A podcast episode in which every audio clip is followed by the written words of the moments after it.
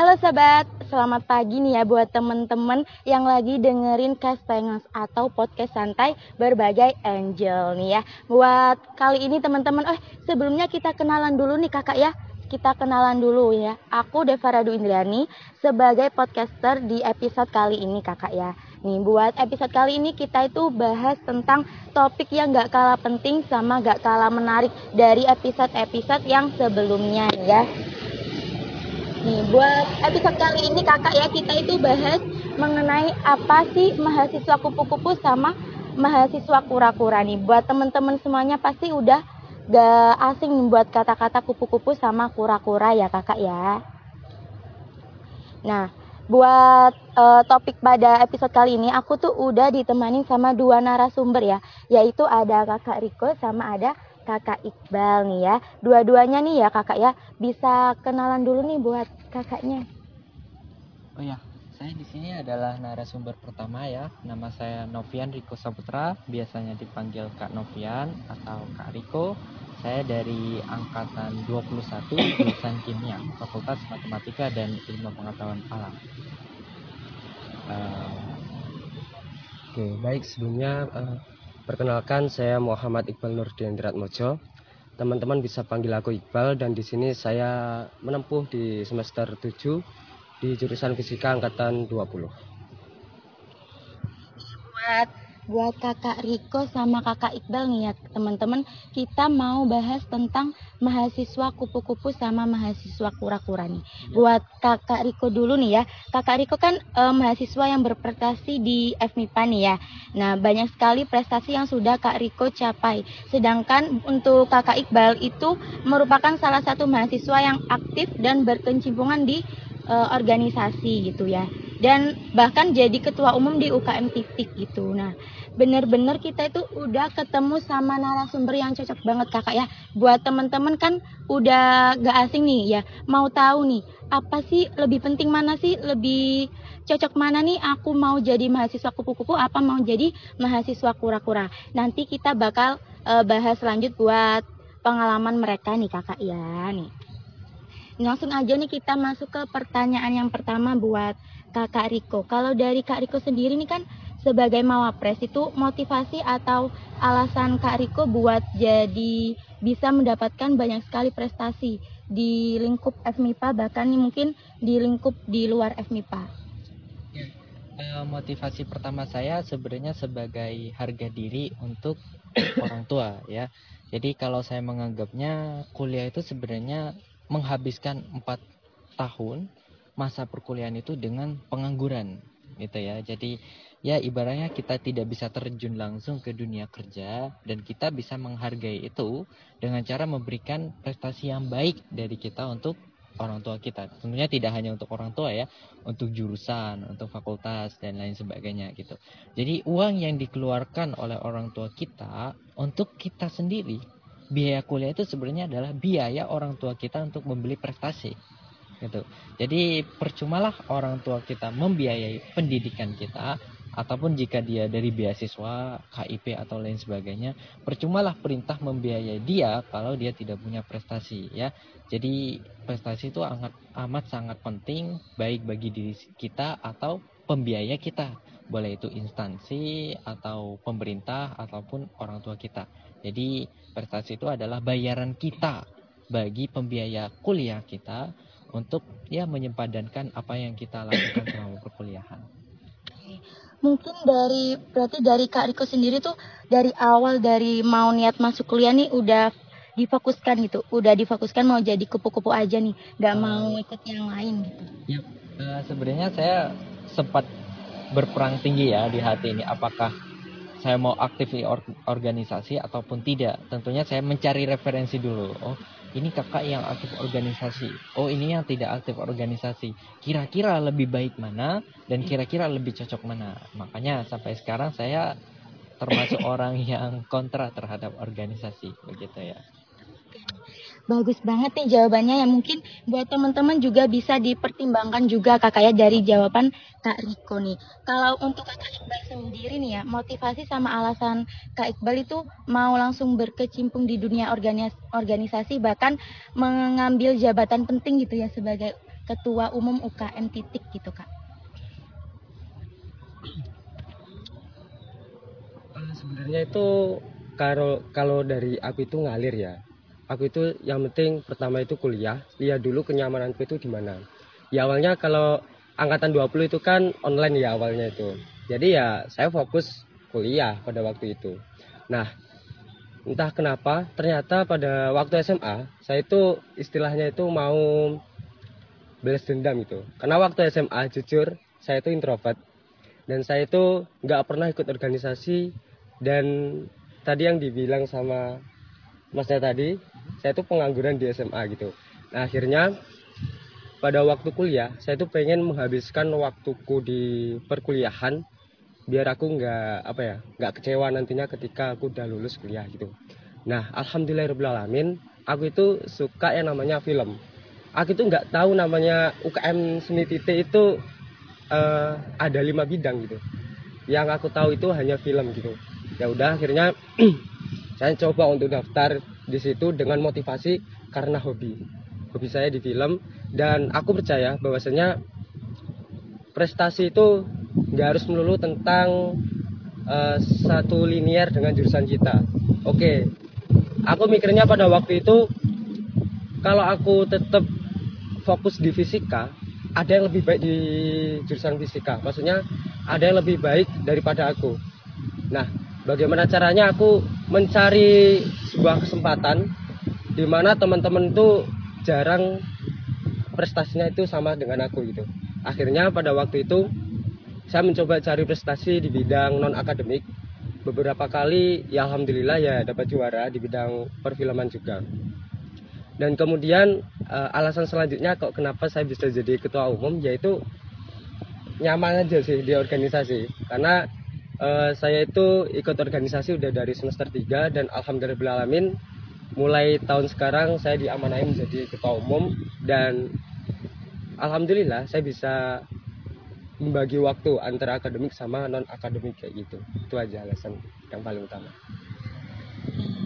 Buat kak Iqbal sendiri berarti eh, ngajuin diri gitu ya kak? Jadi sebuah jadi ketua umum gitu nggak disuruh ayo ikut aja ikut aja gitu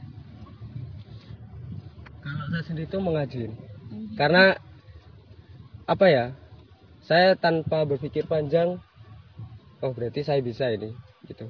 Saya mikirnya saya udah setahun di UKM titik terus kenapa tidak itu loh. Kalau saya itu coba untuk menjabat jadi ketua umum. Karena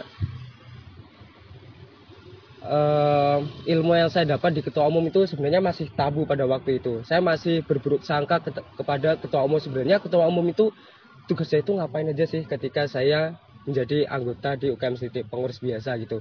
Dan ternyata ketika saya menjadi ketua umum oh ternyata gini loh. Ternyata ketua umum itu yang saya pikirkan itu nggak seperti ini kayak gitu buat jawaban dari Kak Riko ataupun Kak Iqbal tuh udah bisa memberi pandangan kalian temen-temen ya aku mau lebih fokus ke mana ya? Nih kita lanjut ke pertanyaan kedua nih buat kedua narasumber kita ya. Mungkin dari Kak Riko sendiri atau dari Kak Iqbal itu cara buat manajemen waktu. Kan manajemen waktu kita udah gak asing banget buat eh, anak mahasiswa ataupun anak kuliah ya. Manajemen waktu itu super duper penting buat kita kakak kakak semuanya yang udah dengerin ya. Antara kuliah sama kegiatan lain selain di eh, akademik gitu. Cara dari kalian manajemen waktunya tuh gimana?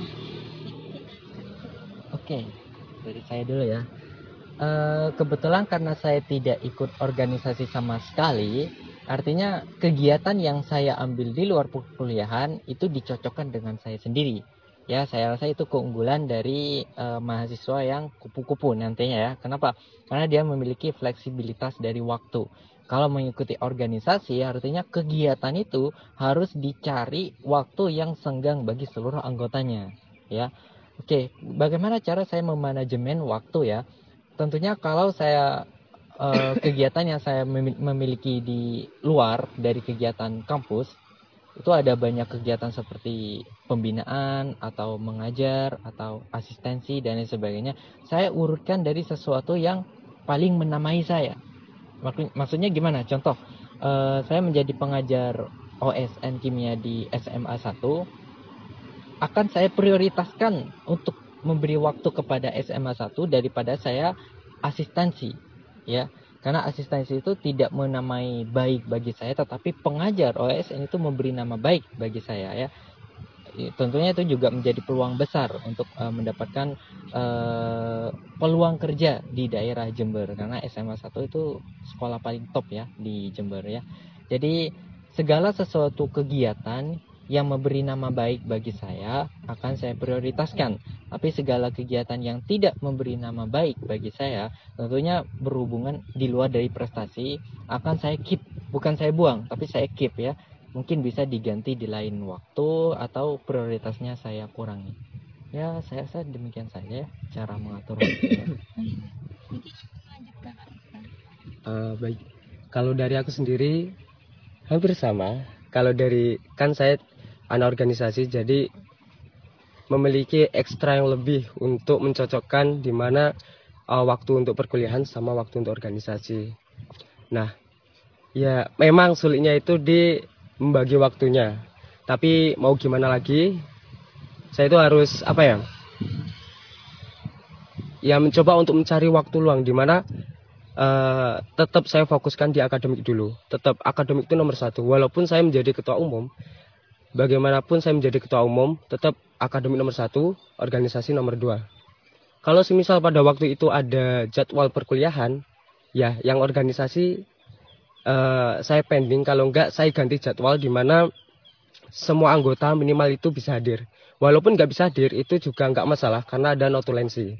Terus yang kedua biasanya itu kalau ada kegiatan itu rata-rata saya ya habis maghrib. Kalau enggak di weekend kayak gitu. Dan menurut saya itu juga nggak jadi masalah ya karena yang penting dua-duanya itu bisa jalan dan saya bisa memastikan untuk anggota saya, saya setiap hari itu mengingatkan bahwasanya akademik itu nomor satu. Kalau dia ada tugas, ya udah, tidak usah ikut organisasi dulu. Maksudnya kalau misal ada rapat, uh, kamu tidak usah ikut rapat dulu, nanti bisa ikut di lain hari aja, seperti itu. Nah untuk cara biar apa ya, akademik sama non akademik itu bisa berjalan dengan beriringan, saya itu biasanya buat to do list kayak gitu. Jadi sekarang itu saya mau ngapain aja, apa aja yang saya lakukan, saya tulis. Nanti di esokan harinya saya tinggal nyentang kayak gitu. Oh berarti ini yang paling urgent, ini yang paling enggak. Ada kalanya juga organisasi itu saya dahulukan daripada yang akademik contoh kayak misal BC itu mau ada acara dan sekarang itu rapat gitu dan ternyata di dua hari ke depan atau tiga hari ke depan itu ada laporan. Ya yang akademik saya kesampingkan dulu. Bukan saya buang ya tapi saya kesampingkan dulu. Saya fokuskan rapat di hari itu kemudian saya fokus ke laporan atau praktikum dan lain sebagainya kayak gitu. Dan uh, saya juga menjadi asisten di lab juga ya. Pernah itu sampai 4 sampai lima kali. Jadi uh, apa ya walaupun kegiatan kita itu banyak, kalau kita benar-benar niat ya, bukan tanpa paksaan, insya Allah kita bisa untuk mengatur waktunya. Karena kita apa ya, nggak dipaksa sama orang lain, tapi kita mengajukan diri seperti itu. Insya Allah itu bisa. Mau nambahin ya, mau tanya lagi buat Kak Iqbal. Pernah nggak kepikiran kayak nyesel gitu, kayak sibuk banget nih ya, terus gak ada waktu kayak buat diri sendiri ataupun gak bisa rebahan dikit gitu ya. Mungkin ada kepikiran kenapa sih kok aku uh, apa memilih ini gitu. Ah, oke. Okay. kalau nyesel sebenarnya ada ya di awal-awal. Cuma kalau saya terlalu berlarut-larut itu nggak akan membuahkan hasil. Tapi kenapa kok saya bisa langsung apa ya? Oh ya udah aku langsung nggak boleh nyesel nih. Karena memang udah kebiasaan waktu SMA juga. Waktu SMA kan uh, saya mencoba ikut organisasi juga dan jujur saya itu sekolah kan sampai sore jam 3 ya. Saya itu pulang ke rumah itu jam 10 malam jam 12 malam. Jadi udah terbiasa di dunia perkuliahan. Malah dunia perkuliahan itu nggak terlalu malam ketika saya di SMA karena jujur SMA itu perjalanannya saya jauh 24 kilo, berarti kalau PP itu 48 kilo. Kalau di sini kan cuma 13 kilo kayak gitu. Jadi nggak terlalu berat kayak gitu. Buat pertanyaan selanjutnya nih ya, target buat Kak Riko ataupun Kak Iqbal sendiri buat di perkuliahan ini tuh apa? Oke. Kalau target saya tentunya ingin menuntaskan perkuliahan yang pertama ya, ini akademik secara wajib, secara kumlot, kemudian menjadi wisudawan terbaik, IPK tertinggi dan memanfaatkan seluruh uh, prestasi yang pernah didapatkan. Gitu.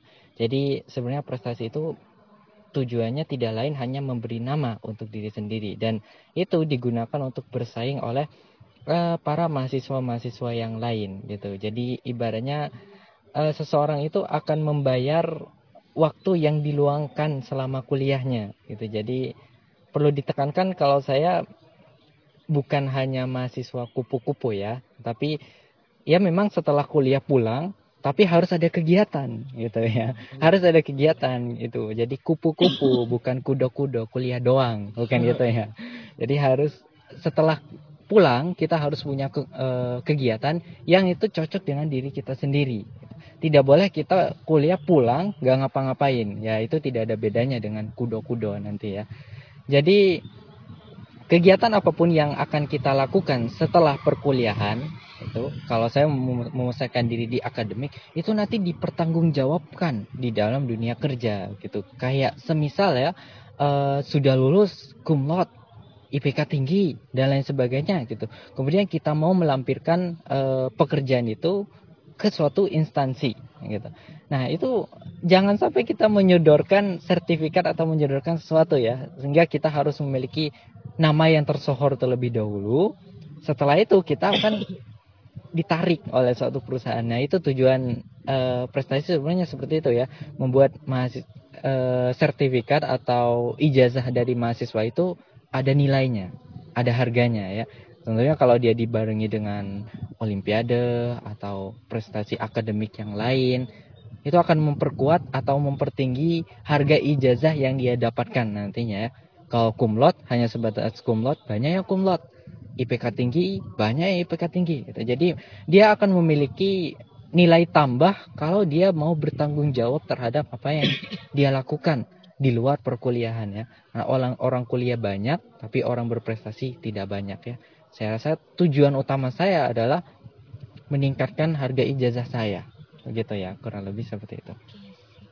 Itu keren banget jawabannya ya kayak udah dari awal kuliah tuh udah terstruktur udah udah ada tujuan pertamanya tuh apa gitu jadi oh. uh, niatnya buat nyapai tujuan itu udah bener-bener kuat gitu teman-teman ya kalau buat kakak Riko nih ya nih kalau nextnya nih buat kak Iqbal sendiri itu gimana uh, target eh target ya targetnya buat kuliah ini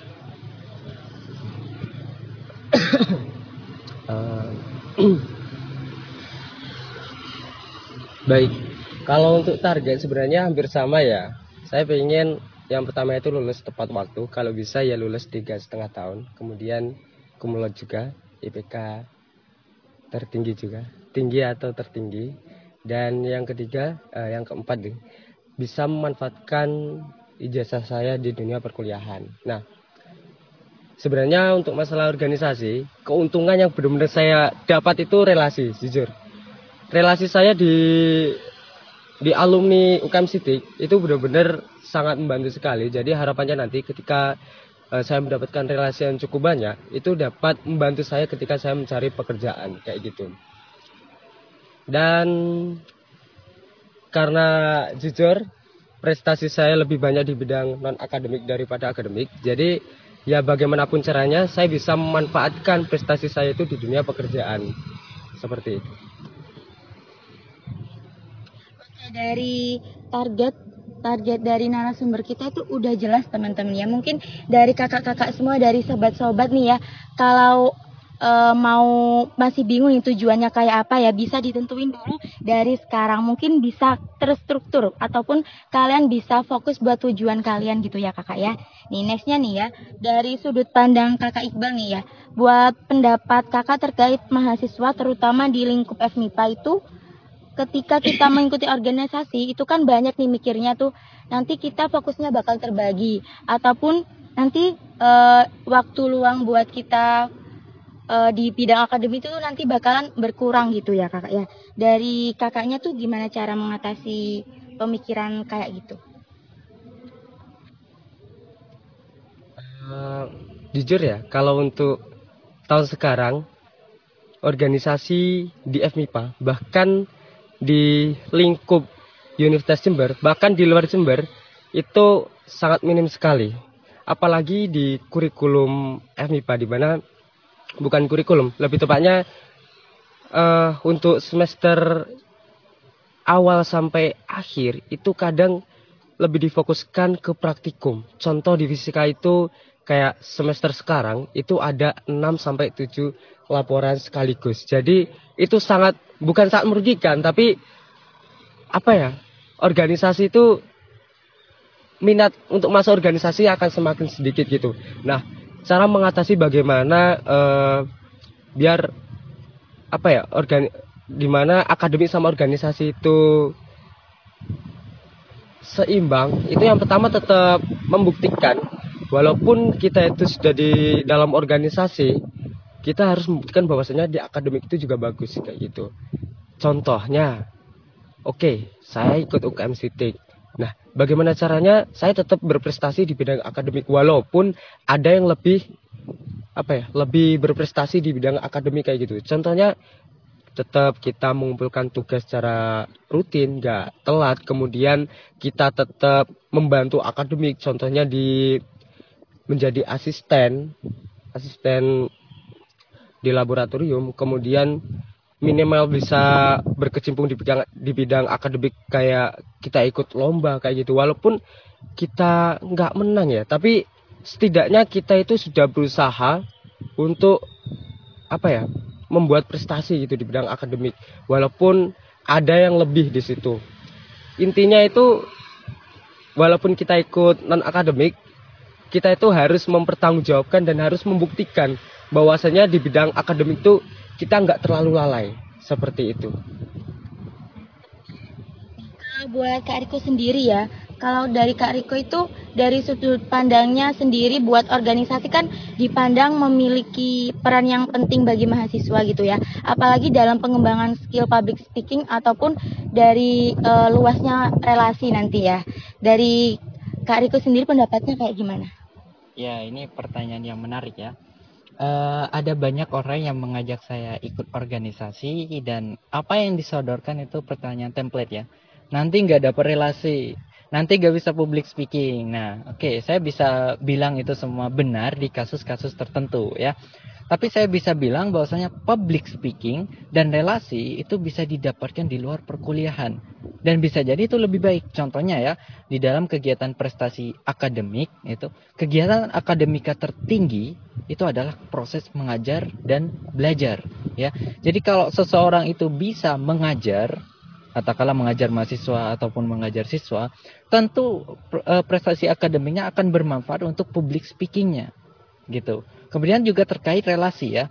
Relasi yang saya dapatkan saya rasa bisa bisa tergolong luas ya.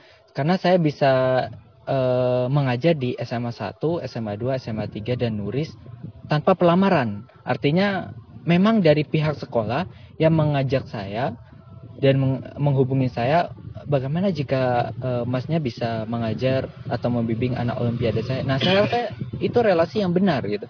Jadi relasi yang dimaksud itu bukan hubungan antar teman ya. Jadi teman-teman yang dikatakan berelasi itu adalah teman yang bermanfaat. Bisa dia membawa pekerjaan atau membawa informasi prestasi akademik atau membawa ya hal-hal yang lain yang berhubungan dengan masa depan gitu. Contohnya saya sering mendapatkan uh, hubung hubungan dari pihak sekolah yang bahkan saya tidak tahu entah itu di Jember atau di luar Jember kenapa dia bisa kenal saya? Karena dia kenalnya dari teman-temannya yang ikut olimpiade. Oh kenapa saya kenapa dia bisa kenal? Soalnya teman itu pernah saya ajar gitu. pernah saya pernah mengajar kelas olimpiade secara online ataupun offline gitu.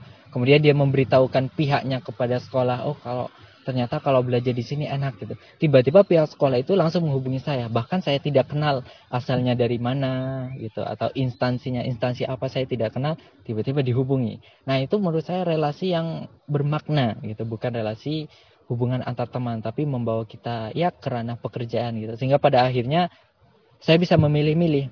Ya boleh berdasarkan sekolah mana yang paling bagus, oke saya terima itu atau berdasarkan fee mana yang paling tinggi gitu. Oke, saya pilih fee yang paling tinggi gitu. Itu terkait relasi. Kemudian terkait public speaking. Saya bisa berdiri satu jam atau dua jam atau berapa jam di depan kelas sendirian tanpa orang lain ya. Kalau organisasi public speakingnya kan biasanya dilakukan secara berkelompok ya.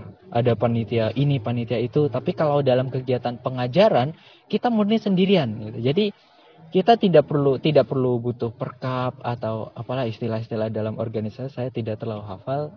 Semua itu kita tanggung sendirian. Artinya public speaking yang dimiliki oleh pengajar itu bisa lebih baik daripada public speaking dari mungkin pemateri dalam organisasi ataupun lain sebagainya.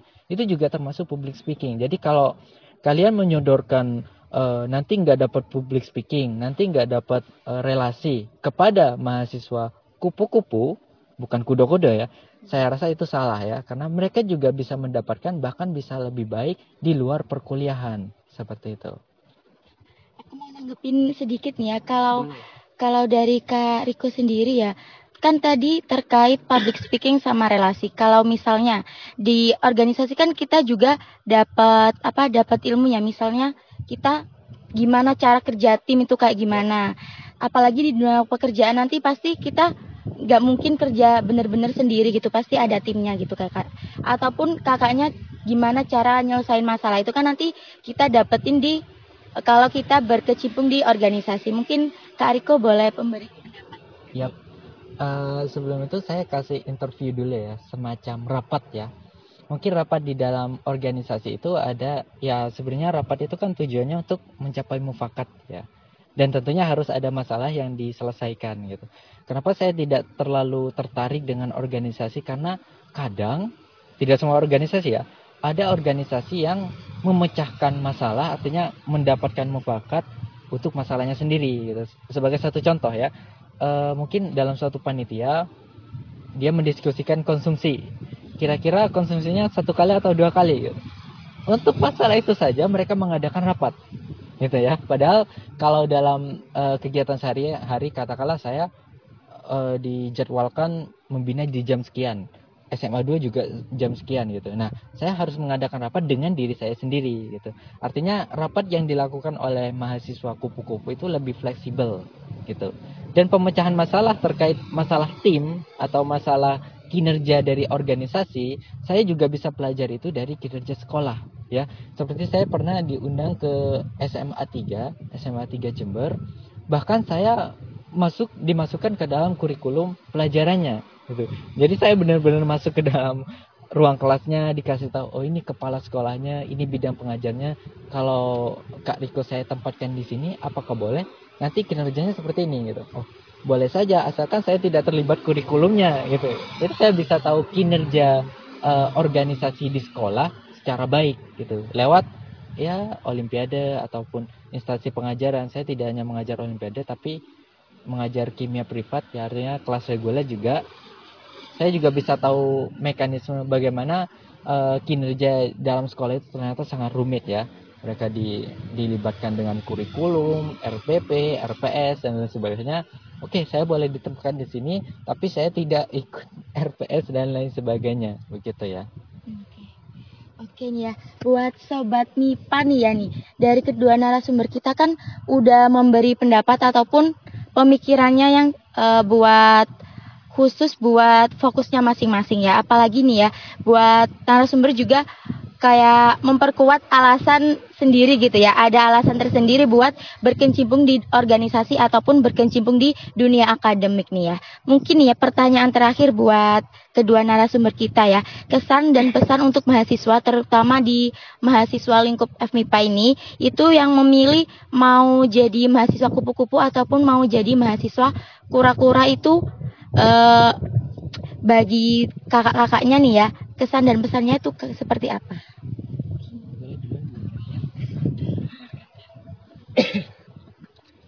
Eh baik. Kalau dari aku ya, kalau untuk dari lingkup FMIPA jujur eh untuk yang sekarang minat ikut organisasi memang lebih sedikit daripada yang yang lain. Contohnya yang kupu-kupu ataupun yang lain. Mungkin ada banyak dari mahasiswa FMIPA yang ikut organisasi di luar kampus bahkan di luar FMIPA gitu. Sebenarnya kalau ngomongin tentang uh, kupu-kupu ataupun kura-kura itu sebenarnya pilihan. Pilihan dari kita sendiri. Kita mau pilih yang mana antara kura-kura atau ku, atau kupu-kupu. Yang penting kita itu bisa mempertanggungjawabkan kita itu milih itu gitu. Kalau saya milih tentang kura-kura ya udah saya mempertanggungjawabkan bagaimana caranya uh, saya bisa berprestasi di antara non akademik ataupun akademik seperti itu. Karena menurut saya di dunia pekerjaan itu luas banget. Kita bisa mencari manfaatnya di organisasi, bahkan di bidang akademik pun bisa sebenarnya. Tergantung bagaimana cara kita untuk mencari sedalam mungkin. Kita mencari kesempatan sebaik mungkin untuk uh, apa ya? Untuk bermanfaat di masa depan seperti itu. Kalau untuk warga FMIPA jujur untuk yang sekarang mereka lebih asik di bidang akademiknya walaupun di uh, di bidang non akademik kayak gitu tapi itu nggak ada masalah karena menurut saya itu pilihan kita bisa berprestasi di pilihan kita sendiri bisa di bidang akademik ataupun non akademik karena kalau kita berusaha sebaik mungkin insya Allah kita akan sukses menurut versi kita masing-masing dan tidak lupa kita juga berdoa kepada Tuhan Yang Maha Esa dan kepada orang tua juga karena tanpa doa-doa beliau kita nggak akan bisa sampai sekarang seperti itu.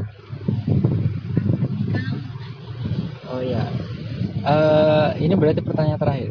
Ya mungkin sebagai closing statement, sebenarnya tidak ada parameter dan preferensi yang baik itu untuk membedakan mana yang lebih baik antara kupu-kupu ataupun kura-kura itu karena mereka semua sama-sama baik dalam mengorganir waktunya gitu ya. Karena yang ya sama-sama baik yang nggak baik itu apa tadi? Kudo-kudo ya. Jangan kuliah doang gitu. Jadi carilah kesibukan masing-masing. Boleh di dalam organisasi ataupun kalian cari sendiri kesibukan yang berhubungan dengan akademika kalian gitu ya. Tentunya kalau e, berbicara tentang FMIPA itu akademik yang bagus untuk ditingkatkan itu adalah akademika yang selaras dengan jurusan ataupun dengan fakultas kalian gitu ya. Tapi tidak harus selaras ya, karena eh, akreditasi dari kampus atau akreditasi dari FMIPA itu juga bisa dinilai dari prestasi non akademiknya gitu. Jadi ya baik prestasi akademik ataupun non akademik sama-sama mengembangkan visi dan misi dari jurusan dan fakultas nantinya. Kemudian lebih dari itu bahwasanya uh, kuliah pulang dan kuliah rapat itu sama-sama baik dibandingkan orang yang tidak kuliah nantinya ya. Sama-sama baik ya. Artinya bahkan ada orang yang bilang bahwasanya sebenarnya mahasiswa kupu-kupu itu adalah mahasiswa yang pernah kura-kura. Ya mahasiswa kupu-kupu itu ada orang yang pernah kura-kura, tapi tidak semuanya gitu. Entah karena dia menemukan cara organir yang lebih baik terhadap waktunya, kemudian dia pindah ke kura-kura, ataupun dia tidak enak dengan kura-kura, kemudian dia pindah ke kupu-kupu. Mungkin saja gitu. Jadi ada orang yang bilang kupu-kupu itu tidak langsung terlahir. Bisa saja dia harus mencoba dulu bagaimana rasanya kuliah rapat gitu. Karena sebenarnya organisasi ya seperti tadi tujuannya untuk mencapai mufakat gitu. Tapi permasalahannya harus permasalahan yang betul-betul bukan dari kelompoknya, bukan dari organisasinya. Jadi mungkin dia memecahkan masalah akreditasi dari jurusan kurang tinggi, mengadakan rapat, oh kita perlu ini gitu. Tapi kupu-kupu pun juga bisa seperti itu ya. Mungkin permasalahan yang dia tangkap lebih kecil, tapi dia menyelesaikannya secara sendirian gitu. Akreditasi jurusan saya dulu kimia itu masih B gitu. Oh, kalau seperti itu kimia ini perlu prestasi, perlu peduli prestasi. Kemudian jangka lulusnya harus di bawah 4 tahun. Selain itu nilainya harus IPK-nya tinggi-tinggi gitu. Nah, dengan cara itu saya bisa mengkontribusi ya baik dari prestasi ataupun jangka waktu kuliah ataupun ya dari IPK nilai yang tinggi itu mengorbankan uh, waktu saya untuk visi dan misi jurusan gitu. Jadi ya sekali lagi tidak ada preferensi yang baik untuk membedakan kupu-kupu dan kura-kura. Yang penting jangan kudo-kudo, jangan kuliah doang. Seperti itu. Oke nih ya, itu tadi dari kesan dan pesannya dari kedua narasumber kita ya buat sobat-sobat MIPA nih. Kita udah di penghujung penghujung acara, penghujung acara, penghujung podcast podcast tanggal teman-teman ya. Jadi buat teman-teman ya nih sobat-sobat ya, uh, kakaknya nih buat bisa langsung aja ditentuin dari sekarang ya mau fokus ke mana. Dua-duanya juga baik kakak maupun jadi mahasiswa kupu-kupu ataupun mau jadi mahasiswa kura-kura. Tinggal kalian aja pilih yang kalian mau dan juga dipertanggungjawabin pilihan kalian ya. Mungkin itu aja nih dari Kastangel episode kali ini. Buat teman-teman jangan lupa juga di uh, di ditunggu episode kita selanjutnya ya. Mungkin itu aja. Uh, aku pamit undur diri. Wassalamualaikum warahmatullahi wabarakatuh.